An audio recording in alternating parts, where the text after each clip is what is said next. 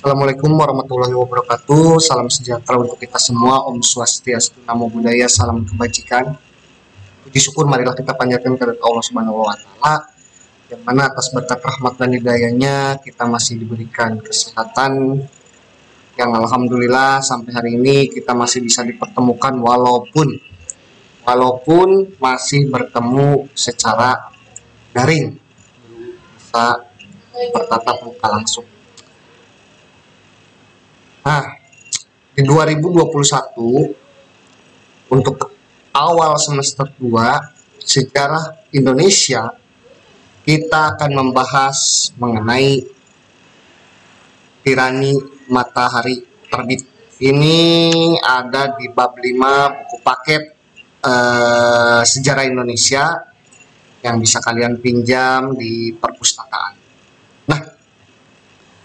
Bicara mengenai tirani matahari terbit, tentu uh, kalian langsung mengingat satu negara yang terkenal ataupun yang memiliki julukan matahari terbit.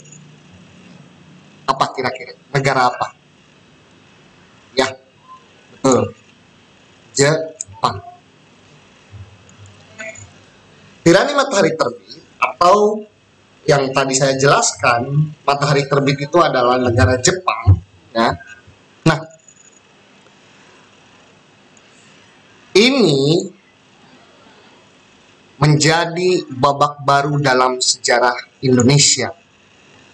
Jepang menjadi babak baru dalam sejarah Indonesia. Kenapa bisa menjadi babak baru dalam sejarah Indonesia apa peran Jepang dalam uh, kurun waktu selama tiga tahun di Nusantara ketika itu. Oke, kita uh, balik lagi ke awal sebelum masuk ke sana. Apa yang terlintas dalam benak kalian mengenai Jepang? Apa yang terlintas dalam benak kalian mengenai negara Jepang? Motor bisa, ya motor. Salah satu merek motor mungkin yang terkenal atau Yamaha yang mungkin kalian uh, gunakan juga. Kemudian Honda kemudian ada Kawasaki Suzuki banyak sekali. Bahkan negara Jepang mengekspansi ekonomi dalam segi uh, kendaraan itu hampir menguasai di berbagai belahan dunia Saya jamin di setiap negara di seluruh dunia pasti ada merek dari Jepang. Nah, oke okay, ya yang sudah terlintas di dalam benak kalian. Jepang itu salah satu negara yang mengekspansi ekonomi dari segi teknologi, terutama dalam kendaraan bermotor maupun mobil banyak. Nah, kemudian kita bisa uh, menarik ke depan untuk belajar. Dari sinilah ya bagaimana negara Jepang mampu menguasai dunia dari segi ekonomi. Termasuk menguasai pasar-pasar di Indonesia uh, kendaraan bermotor ini.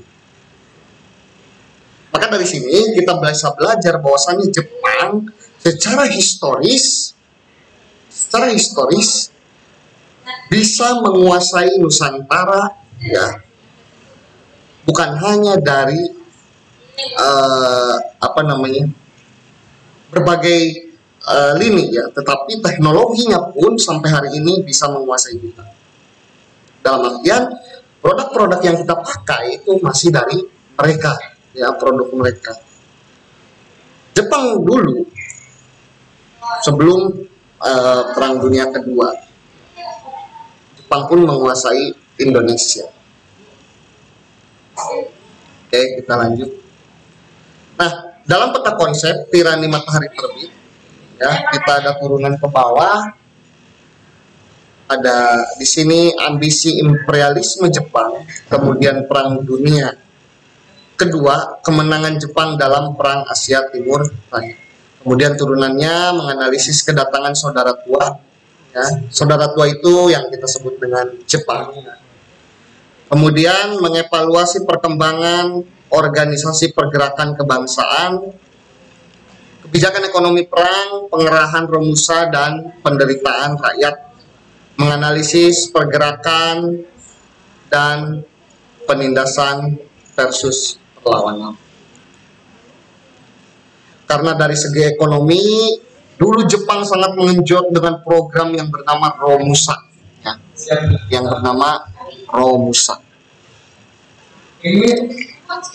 Tujuan pembelajaran, salah satu pembelajaran Ryan ini diharapkan kalian dapat menganalisis kedatangan Jepang ke Indonesia, mengevaluasi perkembangan organisasi pergerakan di Indonesia, menganalisis gerakan perlawanan rakyat terhadap kejaman Jepang, menghargai dan meneladani semangat juang para tokoh dalam melawan Jepang. Yang kelima, menumbuhkan rasa syukur kepada Tuhan Yang Maha Kuasa, Yang Maha Esa, atas kekuatan yang diberikan kepada rakyat Indonesia yang masih bertahan untuk melawan setiap pendudukan dan kejaman bangsa asing.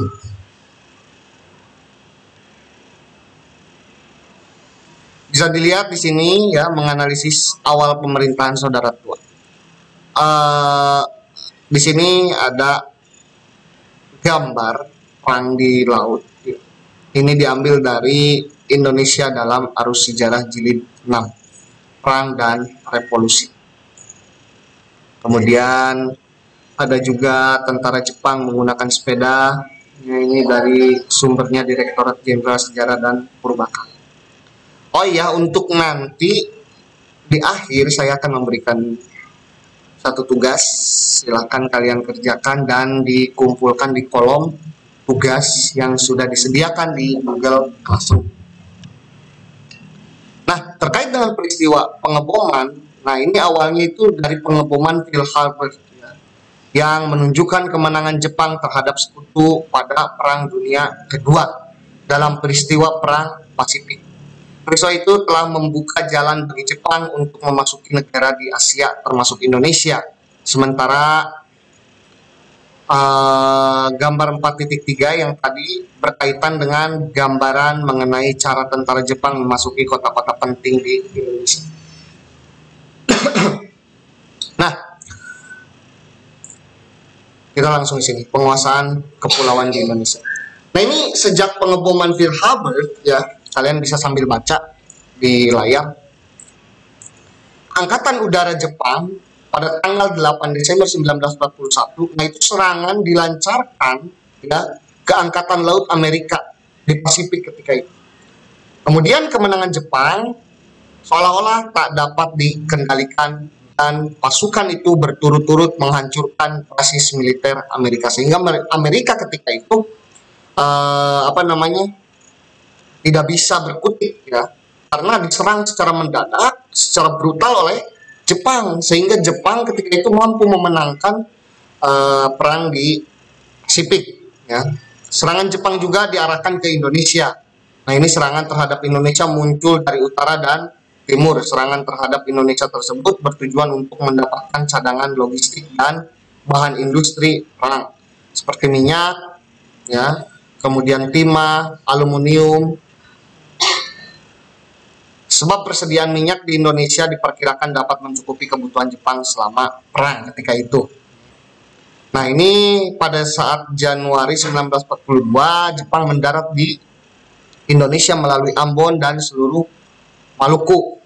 Kemudian uh, meskipun pasukan KNIL ya atau Koningsklik ya Netherlands Indies Lager dan pasukan Australia berusaha menghalangi tapi kekuatan Jepang tidak dapat dibendung.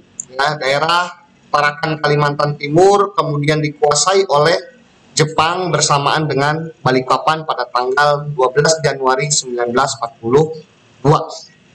Jepang kemudian menyerang Sumatera setelah berhasil memasuki Pontianak, Pontianak. Kemudian bersama dengan itu Jepang melakukan serangan ke Jawa Februari 1942. Nah, pada tanggal 1 Maret 1942, kemenangan tentara Jepang dalam uh, Perang Pasifik menunjukkan kemampuan Jepang dalam mengontrol wilayah yang sangat luas dari Burma sampai Pulau Wake. Setelah daerah-daerah di luar Jawa dikuasai, Jepang memutuskan memusatkan perhatiannya untuk menguasai tanah Jawa sebagai pusat pemerintahan Hindia Belanda. Karena ketika itu Belanda masih menguasai Nusantara atau Indonesia. Kemudian untuk menghadapi gerak invasi tentara Jepang, nah Belanda pernah membentuk komandan komando gabungan tentara serikat yang disebut dengan Abdakom atau American British Dutch Australian Command yang bermarkas di Lembang. Nah, ini panglima dari pergerakan tersebut bernama Jenderal Sir Archibald. Kemudian Letnan Jenderal Jenderal Terporter diangkat sebagai panglima perang tentara Hindia Belanda. Sementara itu Gubernur Jenderal Carda ya pada bulan Februari 1942 sudah mengungsi ke Bandung. Ini nanti terjadilah perang antara Abdakom dengan Jepang. Ya, Abdakom itu terdiri dari Australia, Belanda, kemudian Amerika, Inggris. Ya. Yang pada saat itu eh, apa namanya mengalami kekalahan oleh Jepang. Kemenangan Jepang selama 1942 tidak bisa dibendung oleh negara mana pun, sehingga mereka mampu menguasai eh, apa kota-kota strategis di Indonesia seperti halnya pusat pemerintahan di Jawa.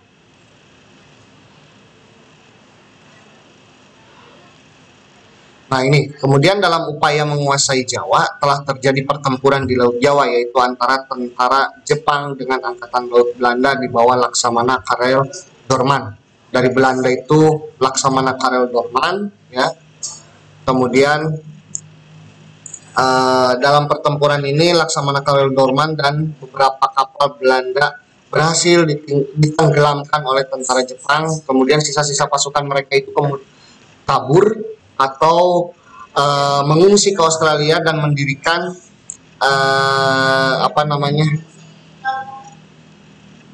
mendirikan uh, pemerintahan baru nanti di Australia. Sementara itu Jenderal Imamura dan pasukan mendarat di Pulau Jawa. Nah, atau di Jawa pada tanggal 1 Maret 1942 pendaratan itu dilaksanakan di tiga tempat yakni ada di Banten uh, itu dipimpin oleh Jenderal Imamura sendiri ya. Kemudian ada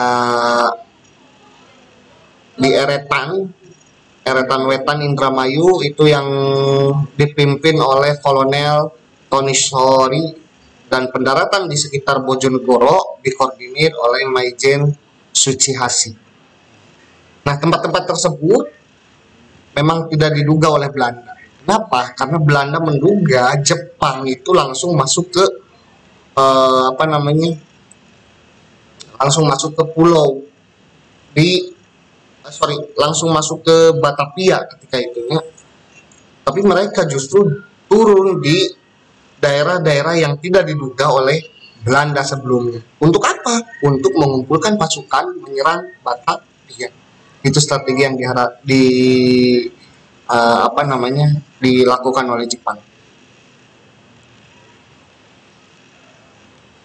Kemudian Nah, ini sekutu sudah mempersiapkan diri, yaitu antara lain berupa tentara gabungan, yaitu American, British, Dutch, Australian Command.